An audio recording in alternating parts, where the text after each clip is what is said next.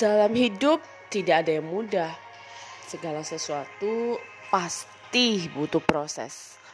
Hari ini banyak orang bertanya bagaimana seorang Fitri ini bisa berubah dari yang tidak percaya diri menjadi percaya diri.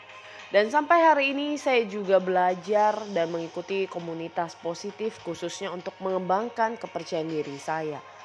Setiap Sabtu mungkin bagi sebagian orang adalah weekend yang bisa dinikmati, mungkin bangun siang, berada di kasur.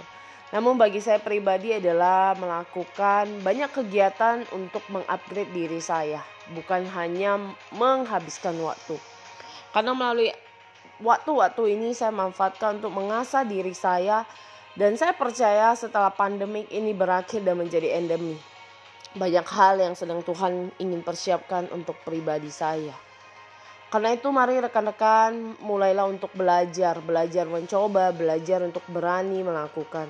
Bukan menunggu kita sukses baru kita memulai, tapi mulailah sekarang daripada tidak sehingga kita mengetahui bagaimana kapasitas dan kemampuan diri kita.